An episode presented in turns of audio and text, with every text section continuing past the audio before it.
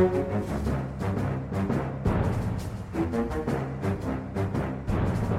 tror jeg vi bare kjører i gang. Eh, Velkommen til Aftenpoden live i Arendal.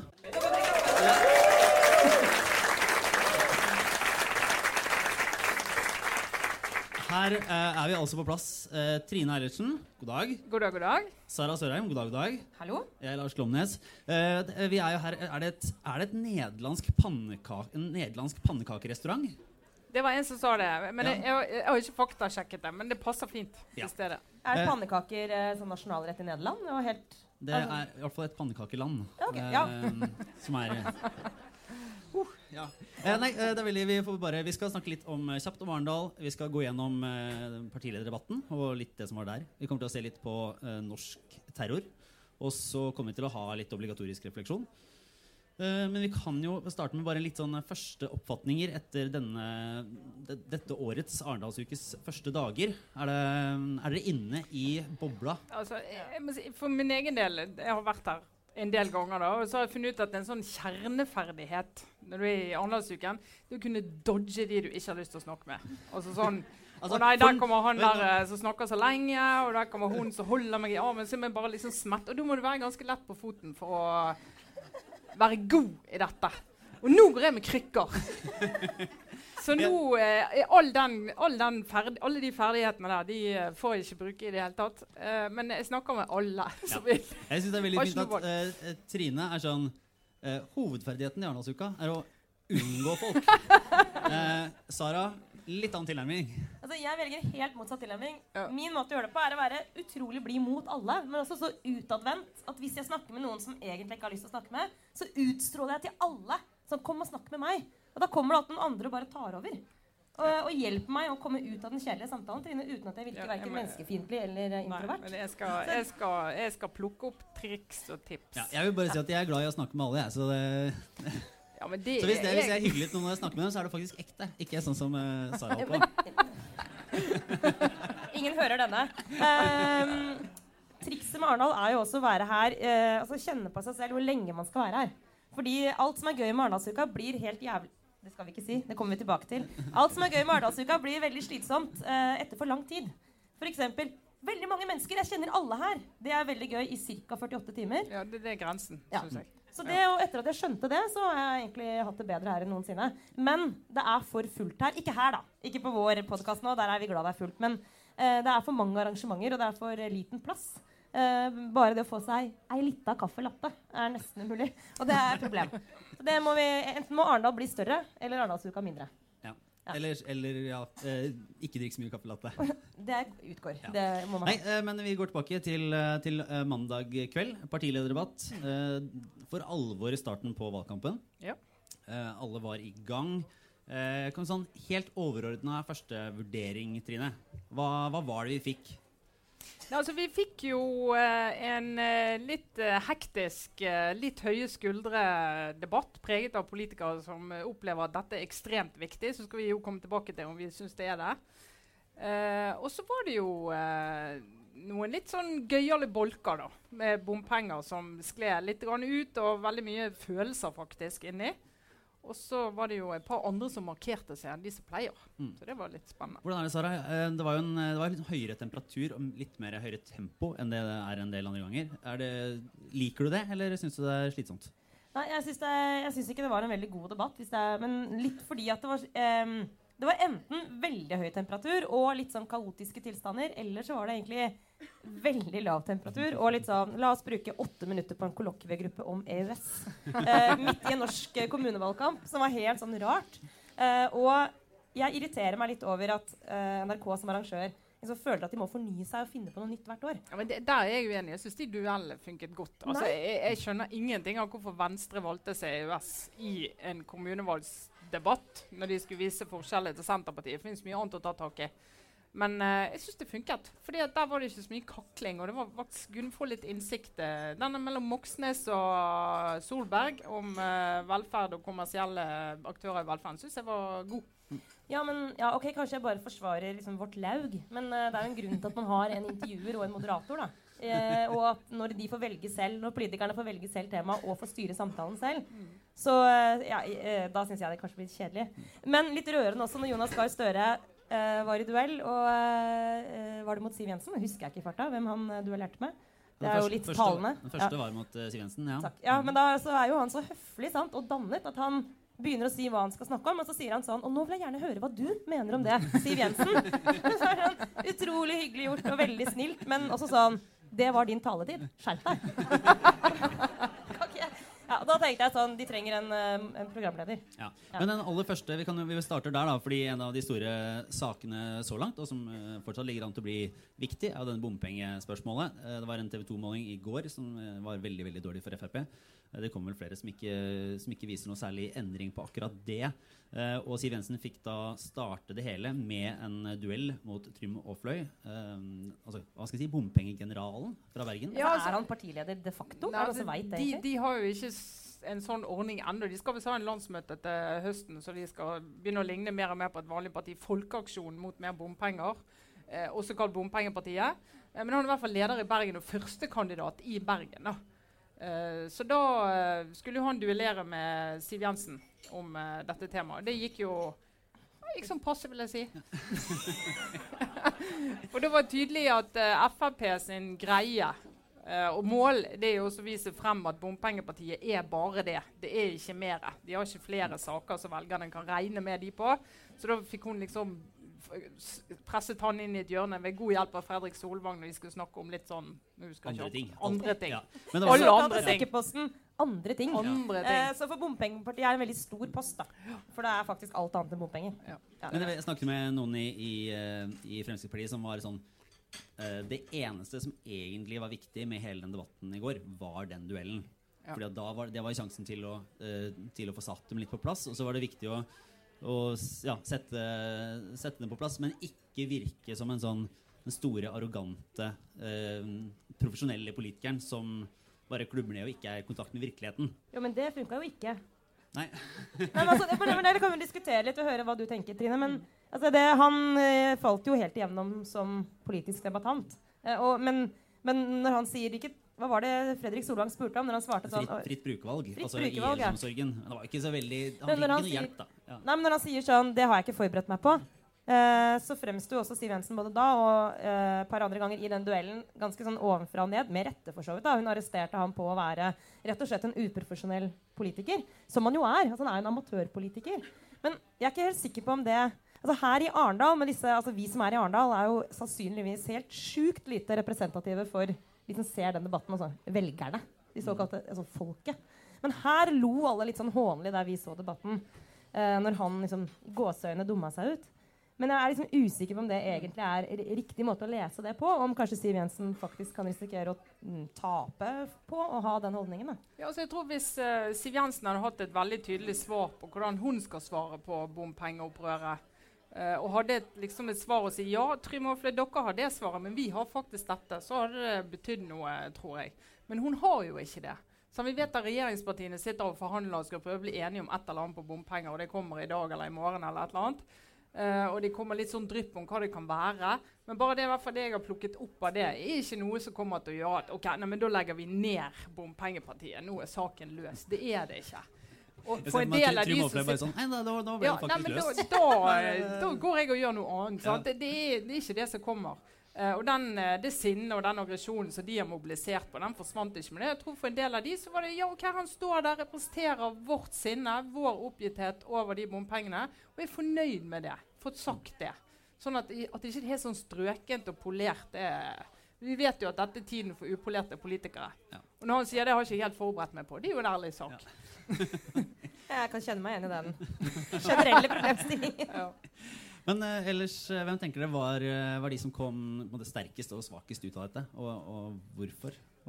Altså, det handler jo litt om forventningen du har til dem. Altså, med, med forrige valgkamp eh, litt friskt i minne, da, så har jeg jo store forventninger til f.eks. Audun Lysbakken, som jeg mener gjorde en kanonvalgkamp i eh, 2017. Var liksom topp to, enten nummer én eller nummer to i nesten alle partilederdebattene i forrige valgkamp.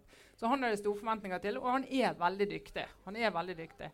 Eh, og så En av de som overrasket veldig positivt, syns jeg, eh, var Une Bastholm. Som kom inn med et uh, engasjement. Vi snakket jo litt om det. Nesten sånn sinne på vegne av de som er veldig bekymret på vegne av klimaet. Og liksom nå må vi uh, prioritere hva vi snakker om, og hva, hva dette handler om. Eh, med et sinne som for noen år siden så ville vi sagt at uh, ja, det gjør seg ikke å være sint i en sånn debatt. Og hvert fall ikke hvis du er kvinne. Liksom, og, og ikke bli sint. Ja. Men, men, akkurat her tror jeg faktisk at hun uh, sto frem ganske bra med det engasjementet. For hun flyter jo på en bølge nå med skolestreikere og veldig sånn uh, klimautålmodighet. som jeg tror at for en del så går det rett hjem uh, av de hun henvender seg til. Ja, men i en veldig polarisert politisk diskusjon, da jeg, jeg, antar, jeg har ikke sett noen tall på det, men at de som stemmer på Bompengepartiet altså, Hennes innlegg gjorde at hele bompengediskusjonen for meg fremsto som veldig selvsentrert og veldig sånn egentlig lokal. og bare, ok, Jeg skjønner at det er et problem for mange, men hallo, det er større ting. Så eh, Hennes sinne appellerte til meg. Men eh, det kan hende at de som på en måte, kunne møte henne på det sinnet, allerede liksom er vunnet over på den siden. Mens altså, så spørsmålet er om vi egentlig har en politisk debatt nå hvor vi egentlig bare ikke snakker ordentlig sammen. Altså, jeg føler det veldig polarisert, og det syns jeg også var i går etter debatten. Og det er vanskelig Lars, å si sånn disse vant, eller denne blokka vant over den blokka. Eller det var en kaotisk, eh, rotete og litt sånn forvirrende seanse. Jeg tenker i hvert fall, eller tenkte ut etterpå at sånn, hvis jeg satt at dels I Oslo så var det en del svar som på en måte kommer opp. da, fordi var en bompengediskusjon, det var liksom vei, andre ting som faktisk er en som byutvikling som går på Oslo-spørsmål. Men hvis en sitter hjemme i en mindre kommune i Norge og skal prøve å bedømme ut fra den debatten eh, hvordan det er mer sannsynlig eller mindre sannsynlig å stemme på et parti, så er jeg ikke så sikker på hvor relevant det blir oppfatta. Nei. Nei, altså, må vi huske på at De aller fleste kommuner i Norge har jo ikke bompenger for å begrense trafikk. For. Mm. Det er jo rundt de store byene, men de aller fleste kommuner har ikke det. De har kun bompenger som handler om å eh, bidra til å finansiere eh, samferdselsprosjekter. Og Det er litt to forskjellige diskusjoner, og de blander jo inn herlig saus eh, i går. og Du klarer ikke helt å rydde opp i akkurat de dimensjonene i det. da. Men jeg synes jo, eh, Konkluderte du egentlig på Audun Lysbakken, eller sa du bare at du hadde høye forventninger til han? Ja, jeg synes han, ja, ja det hadde jeg. Så, for, det, for, det, for det neste var nemlig Trygve Slagsvold Vedum. Ja. men som, Først syns du Audun Lysbakken var god? Jeg syns han var kjempegod. Ja, for det syns nemlig jeg også. Ja, jeg, jeg må trygge meg litt på trynet noen ganger, så ja, ja, ja. var han god. Ja, ja da syns jeg det. Men uh, så satt jeg og tenkte på hvilke forventninger jeg hadde til Vedum, og han pleier ikke å være veldig god i de der uh, debattene. Men det spiller jo ingen rolle. For det er jo ikke der han vinner folkene. Det, det, går nesten, altså Han møter opp, han gjør det han skal. Eh, helt under middels, vil jeg si. Greit. Eh, ikke veldig god Bompengedebatten er helt håpløs for Senterpartiet. De, liksom, de, skal kritisere Frp for for høye bompenger, men så vil de ha vei og så vil de ha litt bompenger. Så det blir et sånn umulig budskap. Eh, og så er han jo heller ikke noe sånn veldig god når du kommer inn i sånn kommersiell kommersielle i velferden. altså den, den andre store saken sant, som de snakket om. Så det blir sånn Han er nå der, men det, for han spiller det ingen rolle. For velgerne de går til han uansett. Så han er en av de som han nesten ikke trengt å møte opp. Men han har jo Men han har en litt annen rolle nå, da, vil jeg tro. Altså, han uh, har jo hatt den der klassiske utfordrerposisjonen eh, som partileder i Senterpartiet hele veien fram til nå. Eh, og kunne liksom irritere og nappe og plage de andre hele tiden med å ha dette distriktsperspektivet sitt, da, som veldig mange er blinde for. Og det gjør han jo et poeng ut av. Og han har sikkert et poeng der òg. Men nå er jo hans rolle veldig annerledes. Nå er jo ikke han lenger i den helt den angrepsposisjonen. Han kommer mest sannsynlig til å bli liksom, valgets store vinner. Uh, og kanskje, Jeg syns han var litt svakere i går enn jeg ville trodd. Og jeg innbiller meg at det kanskje er også litt fordi at de andre har begynt å liksom, forberede seg litt bedre på å ta Vedum. Mm. Uh, mens han tidligere kunne være litt sånn outsider som plutselig kom og liksom, brøyt igjennom lydmuren. Så uh, kan nok hende at han skal få kjørt seg litt nå de neste debattene. Ja. Og liksom, om han da klarer å være like god når han skal forsvare seg og ikke angripe, det er jeg litt spent på. Mm. Men uh, det har jo vært uh, det er stadig målinger som viser at uh, det, det, ordner seg liksom ikke for Arbeiderpartiet heller denne valgkampen. Vi har ikke snakket om Støre ennå. Det er jo helt påfallende. Ja, ja. men Jonas Gahr Støre fikk jo etter hvert ganske mye ros i etterkant av de som analyserte. Og han var jo var ikke nødvendigvis så mye til stede i den første debattbolken. Men så ble han jo da utfordra Men han var stille i et, en halvtime, faktisk. Ja, og så var det inn i to dueller. Uh, tenker vi at Hvordan uh, klarer han å Var det en vinner, eller var seieren verdt noe for ham? Ja, altså, han, får jo, han har fått gode tilbakemeldinger fra kommentariatet for hva det nå er verdt. ja, ingenting, eh, Nei, det fikk han jo i 2017 òg, og det var ingenting verdt. Men uh, og han gjør jo en god debatt, men så prøver jeg å tenke litt når du sitter som velger og skal Hvis du bruker dette da, litt for å orientere deg, så har du eh, kommersielle eller kampen mot velferdsprofitører, som de sier langt ut på venstresiden, og ikke, ikke så langt heller. Eh, den diskusjonen. Så er han i en duell med Siv Jensen om det. Like etter er Moxnes i en duell med Erna Solberg om det. Og litt signalet til velgerne da sitter hjemme, det er jo at ja, Støre er opptatt av det, men Moxnes er enda mer opptatt av det. Og liksom går eh, rett i duell med Erna Solberg. Og for Erna Solberg så er det en kjempefordel at de på en måte blir lagt oppi samme sekken uh, i den saken der. For de velgerne som hun eventuelt skulle konkurrere med Støre kunne om. ikke, kunne ikke være like Uh, Hvorfor er det ikke omvendt sånn at altså Jonas Gahr Støre er jo da en mer moderat versjon av Moxnes? på en måte Han, Det kan jo ses på at han får være en mellomting, eller får være et eller annet Ja, men det er, hvem er ingen. Det, er, Det er, jo veldig vanskelig å være moderat for tiden. da, Være litt sånn mellomposisjon. Og, og være en sånn, og han snakker jo veldig likt og snakker om store internasjonale konserner som stikker av med skattepenger. Og, og for en del velgere som er litt i tvil om det er litt for radikal, radikal politikk, så kan det, kan det skremme de da fra, fra Arbeiderpartiet, eller ikke. Jeg. Kommentariatet de tar feil hele tiden. Ja. Men jeg snakket med en i Høyre i går som mente at dette var liksom drømmesetupen både for Høyre og Rødt. Mm. Det var bare sånn, Jo mer vi kan få akkurat denne duellen det er liksom helt, For hver gang Erna Solberg sier mangfold i finansieringsmodellen, eller hva det er hun sier Da Eh, blir folk så utrolig da blir, da blir. Nei, det er det omvendte. Og det de vil ha, er det omvendte. Da blir lilla-velgerne rolige.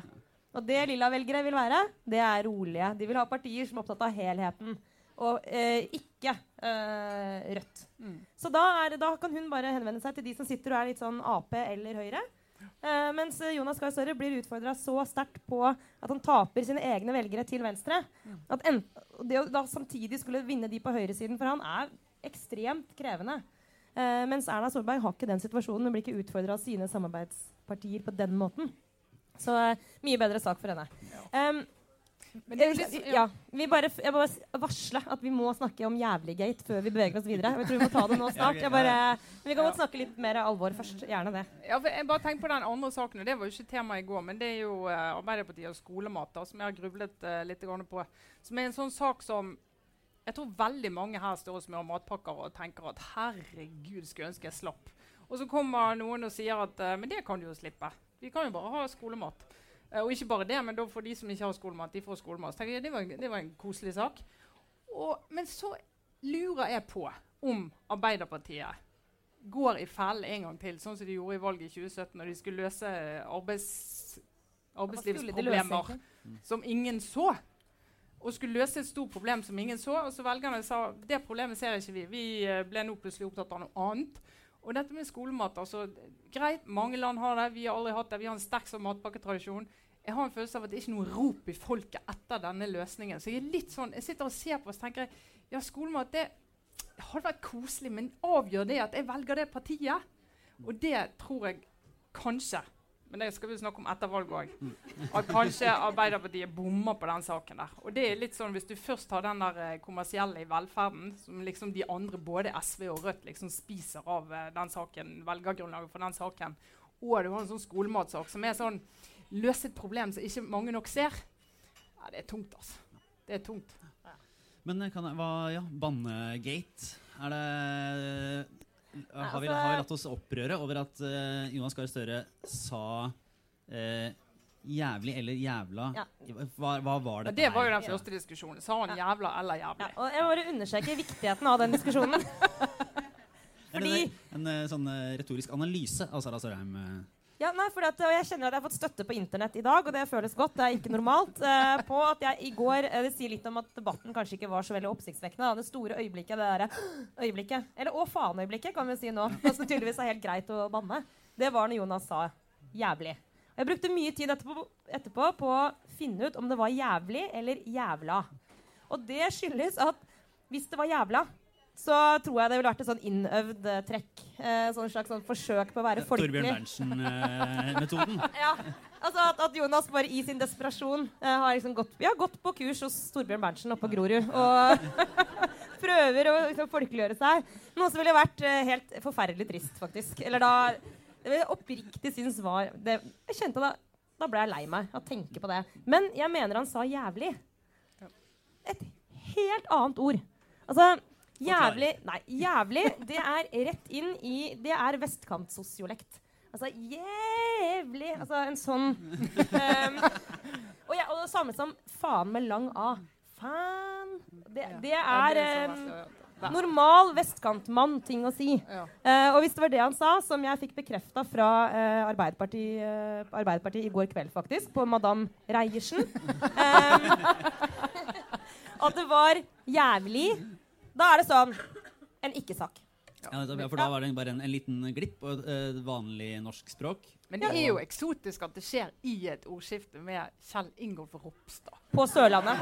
På Sørlandet. Det er jo litt sånn Ja ja. Men eh, jeg tror det er, eh, det er mulig at vi fikk en liten dør inn til den ekte Jonas Gahr Støre. At det var en ja. liten sånn Han glitch. like før står han Hvis dere bare hadde vært med oss, for faen, kunne han ha sagt. Faen med lang A. Ja. Fan. Ja. Fan. Ja. Ja. Eh, så da, da Men uh, jeg syns egentlig det er veldig bra, fordi han trengte ikke i tillegg til alt det andre han har å stri med. Uh, at det skulle komme sånn stor avsløring. At han egentlig har vært på sånn hemmelig sånn radikaliseringsleir uh, på Oslo øst sammen med Oslo-losen og Torbjørn Berntsen for å appellere til Rødt-velgerne. Så jeg, er jeg er litt letta og glad, egentlig, over at det var det. eh, Da er det, da er det, det er to ting til på den uh, debattdelen som ikke er eh, så nødvendigvis så viktig, men som uh, likevel dukka opp i debatten. er sånn For uh, det man hørte flere ganger i går, var jo denne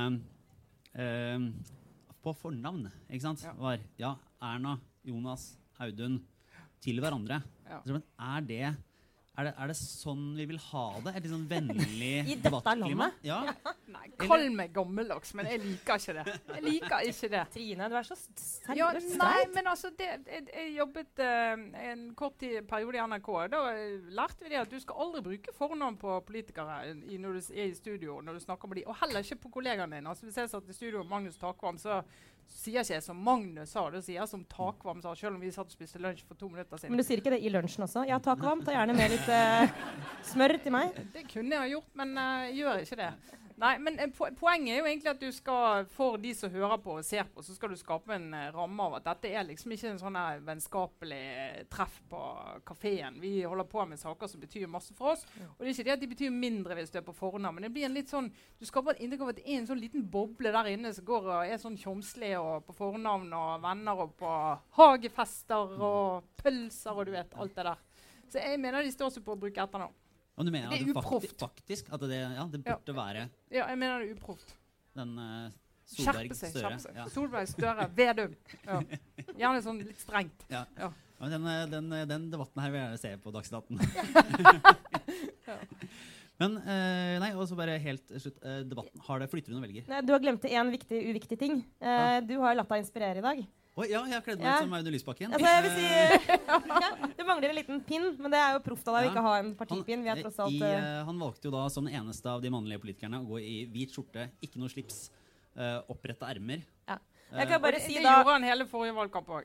Og det funket jo som bare det. Så vi må jo tro at det var det som dyttet Ja. SV oppover. Vi skal være en liten sånn min moteetterligning i ett sekund. Og det er noe mer enn det tåler ikke i hvert fall jeg. Kanskje ikke du heller. Det er omtrent der kunnskapen Eller ja, kunnskapen eh, Det er det jeg har å by på. Men eh, solbrune menn i hvit skjorte. Herregud, for en suksess! Altså, det, det burde alle bare sier sånn, Det fungerer. Ja. Eh, What's, what's not to like? What's not to like? Eh, så kred til SV. Altså, de har fått virkelig Før var det Julie Brottkorp som vant det visuelle på partilederdebattene. sant?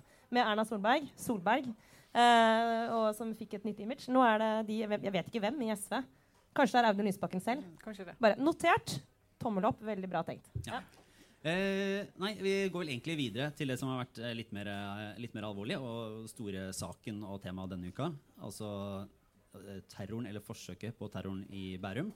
Det er en, da, nok en, uh, tilfelle der en eh, 21-åring uh, fra Oslo vest går ut og forsøkte å begå et altså, Jeg vet akkurat hva han skulle begå, men i hvert fall angrep denne moskeen etter at han uh, ifølge politiet også da har drept uh, stesøsteren sin.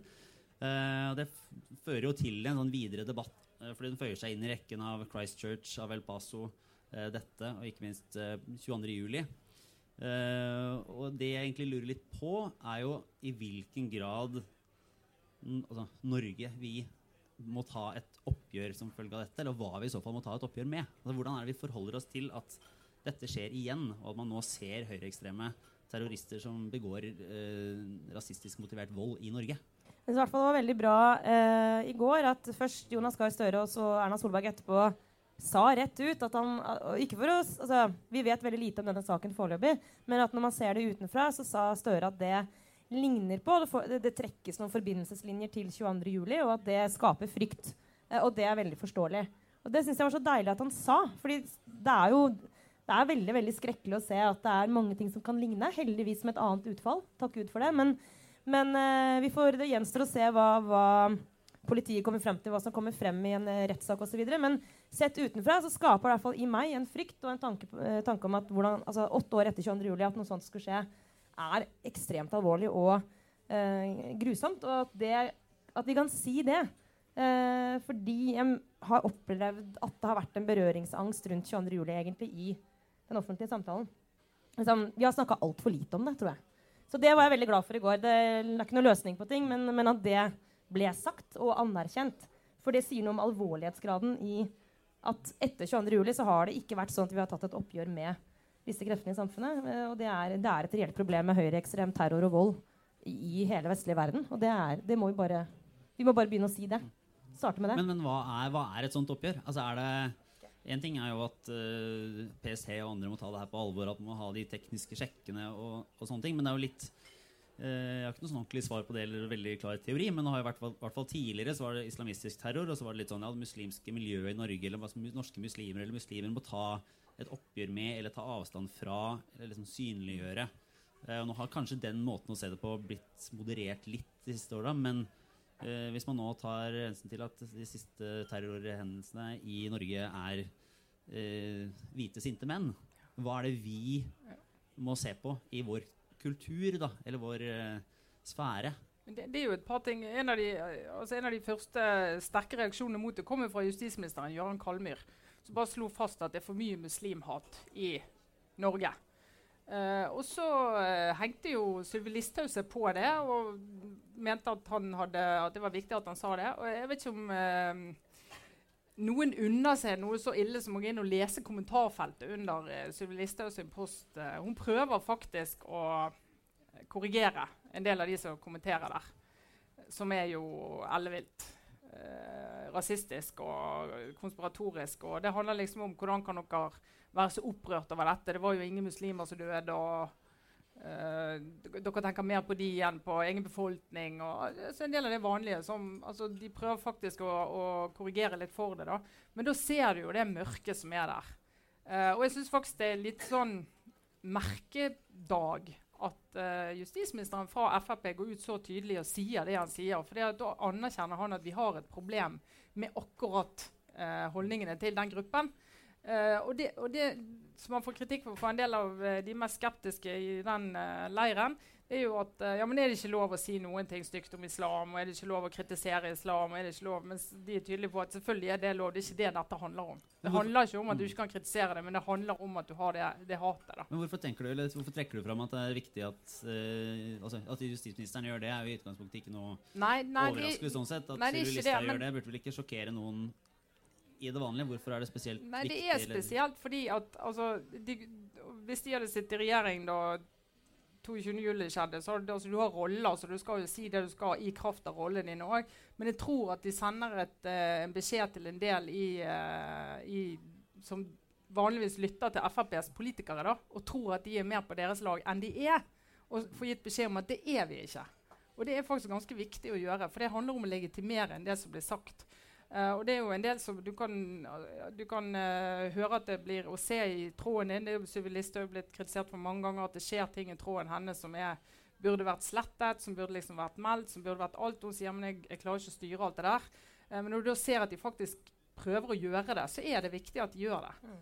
Uh, og at de ikke gir liksom helt opp, men at de gjør det og sier at uh, vi må prøve å, å oppdra folk. Da, men bør Frp-politikere, som jo altså, som, som tradisjonelt det mest Eh, de har, har, vært mest innvandringskritiske. og Kanskje også sånn islamkritiske partiet i den norske store offentligheten. da. Hvilket sånn ansvar har de for å Bør de endre noe retorikk? Bør de gjøre noe? Altså Bør de føle noen form for ekstra ansvar i en sånn sak som det her, eller mener du at det er helt atskilt? Nei, altså jeg tror ikke du kan si Frp-politikere, for de er så forskjellige. Sant? Og de har uh, forskjellig uh, ordbruk og språkbruk, og noen er veldig flinke å ordlegge seg, og andre ikke. Og du har noen som er det var vel nettopp en skulle bli ekskludert fra Frp fordi at han en uh, toppkandidat var på Nesodden. På Nesodden ja. Så skulle ekskluderes fordi at han uh, mener ting som åpenbart ikke er innenfor. Da. Sånn at de tar jo det oppgjøret når det kommer, som er bra at de gjør. Uh, men å si at hele Frp skal gjøre det, synes jeg jo uh, det blir jo rart. For de aller fleste av de driver jo ikke med, med det i det hele tatt. Men når de ser at de har en del tilhengere som faktisk lytter til de, så synes det er fint at de benytter anledningen til å si at det her går ikke. Sånn kan vi ikke snakke eller skrive. Ja, og så tror jeg En annen ting eh, som vi må ta inn over oss, synes jeg vi som liksom, håper å si, de voksne som er hjemme, og det er veldig veldig mange, det er det store flertallet, eh, må kanskje begynne å oppsøke de forumene hvor eh, sånn som terroristen, eller den, han som er sikta for terror i, i, Bærum, har vært inne på. altså 4chan og 8chan og N-chan og jeg merker at jeg mister Jeg vet ikke hvordan jeg skal beskrive det engang. Altså, en ting er kommentarfeltet på VG. Eh, ba, men bare det er jo krevende. Å skulle orke å gå inn der og lese. Men, eh, men å gå inn i de lukkede foraene altså, hvor det helt reelt, og hvor det planlegges av terror, og det skrytes av at du har tenkt å utføre terrorhandlinger og Heldigvis antar jeg at politi og PST og sånn er tungt inn der. Men bare det å ta inn over seg som vanlig borger at dette er en samtale som pågår hele tiden i også vårt land. Uh, og at det er ikke en sånn internetting. Det, er en det er en del av, av samfunnet. Det fins. Uh, og det får overslag inn i uh, den fysiske virkeligheten. Det er bare å starte der. Bare liksom, skjønne det. det. det. tenker jeg er et sånn ansvar vi har alle sammen som velgere og borgere. da. Men, bare orke å ta det innover oss. Men ligger på en måte ansvaret for å stoppe de, altså gå inn på de som står og diskuterer terror på nett, eller ligger det mer i de som diskuterer eh, måten å diskutere innvandring på i den vanlige offentligheten. Ja, men Her er jo to helt forskjellige sider av liksom, samme kjerneproblemstilling. Men jo, vi må jo passe, jeg er litt enig med Trine at vi må liksom ikke sause alt sammen heller. Altså, det, er ikke sånn, det, er, det er lov å være religionskritisk, det er lov å være kritisk til innvandring også, men det, det er noe helt annet enn å være hatefull eh, og oppfordre til eh, hatkriminalitet. Og Der må vi bare bli mye flinkere i debatten til at vi eh, slår ned på det som skal slås ned på. Altså, er det ikke sånn at Jeg appellerer til noe borgervern. Altså. Det er ikke det jeg mener. Jeg mener bare å ta inn over oss at det er et ekte problem. Eh, så mener jeg ikke at hver enkelt menneske skal gå inn og liksom, begynne å etterforske. Men det går an å, å uh, fortelle, altså det går faktisk an å ta en skjermdump og sende det inn til PST eller til politiet. Faktisk, Det er helt mulig å gjøre. Ikke at jeg tror det løser det, men det, om, det starter jo med enkeltmennesket. Vi ja. må ta inn over oss at det er et ekte problem. Ja, ja. Men så tror jeg For mange av oss er det bare det å gå inn på 8chan eller 4chan. Du blir jo så nedstemt at du tenker skal jeg bruke livet mitt på dette. her, sant? Sånn at Mange av disse opererer jo steder der ingen vanlige mennesker er. Sånn at du, du fanger ikke det alltid opp. Og når du har de da som opererer alene, da, som i hvert fall er teorien at han har gjort, og som uh, han uh, Breivik gjorde, uh, så er det jo ikke helt enkelt å, å fange de opp for, for, PST, selv om de hadde jo fått et varsel om han her i fjor. Vi, vi går vel snart inn for en form for landing, men vi har en runde med obligatorisk refleksjon også denne uka. Det fins ingen måte å gjøre en elegant overgang på nå, så vi får bare hoppe fra det ene til det andre. da. Ja, Jeg tror det. Ja, for jeg kjente at det var veldig vanskelig nå å reflektere sånn, dypt om det jeg hadde tenkt å si. Det ble veldig rart å snakke om det nå, men eh, kanskje du vil begynne? Ja, nei, bare kjør på, du, Sara. Du begynner, du. Du må gjøre Det er en fin overgang Det er en fin overgang at du begynner. nei, fordi fra liksom ekte bekymring over at, uh, over at uh, vi har et terror og sånn, så, nei, ok, jeg bare sier det. Ja, tungt, tungt, tungt, og lett. Tungt og lett. Ja. ja nei, min, min, refleksjon var uh, litt i forlengelsen av den hvite skjorta til Audun Lysbakken, faktisk. Så her er vi, her er vi nå. Uh, jeg mener at Nå mener jeg vi kvinner, faktisk, uh, må gå sammen om å finne den kvinnelige ekvivalenten til dressen. Det Arendal er uh, et lite helvete uh, klesmessig.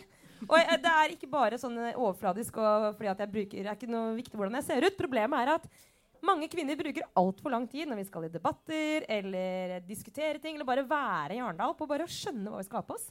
Altså Det er sommer og vinter på samme dag. du skal være ute blant folk på dagtid som glir over i kveldstid. Du skal være festfin og uformell. Um, det er for mye. Altså det går, det går ikke opp. Det å pakke til Arendal er eller er det bare meg? Altså, jeg bruker så mye tid på å klø meg i huet på det. Jeg tenker sånn, Hadde jeg hatt en dress Altså, det løser alt. Det hadde blitt en sånn som gikk, du går i dress hele tida. Gått i dress. Jeg hadde gått i dress da- da pluss- alltid. Da da- Angela Merkel har jo, Ja. har jo løst det. Angela Merkel og Hillary Clinton er mine eh, life goals eh, når det gjelder eh, rett og slett utseende. En sånn, Hva er det det heter, det de har? J jumpsuit. Er det, den er ikke Nei. jumpsuit. Nei. Hæ? Nest, neste uke i min motepodden eh, en drakt, sier eh, min kollega her. Er, en drakt. Nei, men drakt er jo skjørt. Hva heter det når damer går Heter det bare dress? Suit. Ok. Pantsuit. Pants. Pantsuit sier de i publikum her. Tusen takk. Ja, kan Pantsuit må vi bare innføre som uh, den gjengse, normale påkledningen til kvinner i sin tid. Som er på demokratiets dansegulv og prøver å få mest mulig ut av det. Ikke har tid til å stå hjemme og lure på sånn eh, Kan jeg gå i singlet? Må jeg ha på meg bluse? Du kan ikke Fader, gå i singlet. altså, Eller så må man skaffe seg en venn som Trine Eilertsen, som bare er sånn Skjerp deg. ja. Nei, så det var min lille appell. Uh, Ja, men i all ja, ja. sin uh, Men, men jeg, jeg, jeg begrunner den i at det er verdifull tidsbruk som går tapt. Først og fremst. En rasjonalisering. Ja. Ja. Ja. Eh, og du, Trine? Nei, du skal si det. Trine har ikke bestemt seg ennå. Har ikke bestemt meg hva jeg skal reflektere jeg så mye. egentlig, nå er det veldig sånn rart å så anbefale en, eh, en tekst eller sak til sånn, et eh, stort rom med folk. Uh, men jeg leste en interessant uh, artikkel i, hos uh, NPR, altså National Public Radio i, um, i USA, om en fra Uganda, av alle ting. Om en sånn evangelisk kristen ung dame som uh, flytta til Uganda for å drive eh, liksom, nødhjelp eller bistand. eller eller sånn. Hun, hun fikk et kall fra Gud om å flytte ned til Afrika og hjelpe de som var i nød. Og så ender det opp med at hun drar ned, er liksom 20 år gammel, setter opp en liten sånn charity-sak. Eh, og så bestemmer hun seg for at nei, de kan jo like gjerne starte en form for sånn klinikk for underernærte barn. Og hva betyr det vel at hun ikke har noen medisinsk kompetanse eller bakgrunn for å drive dette her? Er dette en artikkel, eller er det Ja, det, er, altså, det er en artikkel om en nyhetssak, og nå er hun da eh, saksøkt for eh, å ha liksom For ansvar for sånn 100 dødsfall. da av, av, virkelig alvorlig syke barn fra før av. Så, så det var jo Det var vel ikke sånn at det ville gått bra med alle. Men det var jo et sånn eksempel på noen som er sånn Ja, det kan jeg vel fikse. Her er det en eh, hvit dame som kommer ned til Uganda og skal hjelpe til. For det viser seg at hun har jo da drevet med og blogga om hvordan hun har ja, drevet og gitt blodoverføringer og gjort masse sånne ting som du i utgangspunktet skal ha altså, Være en lege eller en sykepleier eller ha litt peiling på. da. Uh, og her har det da gått inn og hevdes det uh, tatt altfor lite ansvar for uh, deres ve og vel. Og, og faktisk gått inn og sett på at her fins det helsetjenester, her fins det kompetente folk. Og det er ikke nødvendigvis en sånn komme inn og redde hele verden med min liksom, geniale løsning fra Virginia i USA eh, for å fikse det. Så Dette vet, eh, går dessverre inn i Dette er jo ikke, Jeg har ikke hørt om så grelle Mormons, Book of Mormons, det her jo. Jo, men altså, Veien til helvete er som kjent eh, brolagt eller belagt eller hva det heter, med disse gode intensjonene. Men det er jo et nå blogges det underveis. Nå blogges det underveis. Ja, Ja. Nei, men det er jo, Jeg har ikke hørt om så ekstreme eksempler, tror jeg, men det er jo det der med at uh, eh, sånn privat initiativ som er veldig vakkert og fint at folk tar, eh, bør helst på et eller annet veldig ganske tidlig tidspunkt overlates til profesjonelle. Sånn, egentlig før, du, før de penga du har samla inn, forlater liksom, landegrensene. Så bare, men det, det der er liksom Ja, trist. men, uh, ja, som jeg skal være interessert i å følge. Og så vil jeg bare si, men det er jo kanskje går over i noe Du vet denne eh, Epstein-saken i USA, som jeg sa før sommeren at det var interessert i å følge, det er altså et eh, skrekkeventyr av, eh, av makt og penger og eh, overgrep og fæle ting. Og den Ja, den Jeg, jeg eh, tror, jeg tror Vi kan bruke min refleksjonstid på den, faktisk. Ja. Fordi vi snakket om det rett før vi gikk, at den uh, Jeffrey Epstein som vi snakket om, som uh, da ble no, endelig holdt på å si, tiltalt for uh, å ha misbrukt og ja, unge kvinner og prostitusjon og hallikvirksomhet og alt mulig gjennom mange år. Eh, han skal jo da ha hengt seg i fengselet i lørdag eller fredag. Uh, og da er jo liksom spørsmålet Vil det gjøre at disse mektige mennene og kvinnene i hans uh, randsone og sfære Om det gjør at de da slipper unna det her, og konspirasjonsteorien er godt i gang på at han har ikke hengt seg, det er Bill Clinton og Donald Trump som står bak. ja, ja. Mens eh, andre sier at det spiller jo ingen rolle. For nå, liksom alle, nå blir bevisene er ute, og alle dokumentene er ute. For de var jo lukket forrige gang da han slapp, rettssak, eh, eller slapp den ordentlige rettssaken. Uh, og det tror jeg, det dramaet der jeg tror, må, jeg tror, vi må, bruke litt tid på det i en annen episode. For det, er, det har alt. Det kommer til å bli en helt awesome podkast. Det er sånn mager ja. trøst når det skjer forferdelige ting. Ja. Det kommer til å bli den nye True Crime-suksessen. Uh, jeg tror ikke vi skal lage den dog. men uh, det er jo det, vi skal runde her nå, men sånn Um, denne saken viser også det der med som Vi har vært litt indirekte inne på det, men det ytringsklimaet vi har, er den uh, offentlige samtalen vi har, hvor veien fra en ekte, reell hendelse til konspirasjonsteorier er uhyre kort. Vanvittig sjokkerende kort. Og de som bidrar til å spre konspirasjonsteoriene, kan være f.eks. presidenten i USA. I dette tilfellet. Uh, og det der, det der viktigheten av nå kan jeg skule litt mot mine kjære kollegaer i NTB, da, fordi det her kommer reklamen. Men viktigheten av liksom, faktainformasjon. Eh, og at det er eh, noe vi må bare forstå. at når det skjer en hendelse som dette, så må liksom, faktaene må frem. og Det må være liksom, loggført og det må være dokumentert. Eh, vi må jobbe med vitner. Liksom, I offentligheten så må man kunne liksom man må rett og slett være, Vi må begynne å jobbe på en annen måte. Vi må jobbe med utgangspunkt i at hendelser til og med 22.07., som er så eh, som skjedde med så mange vitner, og egentlig ingen spørsmål om noen ting, kan bli gjenstand for konspirasjonsteorier veldig fort hvis ikke vi bare er super, supernøye med å liksom, få opp fakta, dokumentere og si det igjen og igjen og igjen. Jeg tror Sånn må det være. Hvis ikke så er vi Nei, hvis ikke så, nei gud, nei, nei, vi vil ikke fullføre den setningen. Men det er viktig. Ja. ja. Eh, nei, Med det så tror jeg at vi takker for oss her og ønsker alle en fortsatt god Arendalsuke og uke. Eh, det var veldig hyggelig å ha at eh, så mange kom, og takk alle sammen. Eh, takk for oss. Vi var Aftenpodden. Ha det.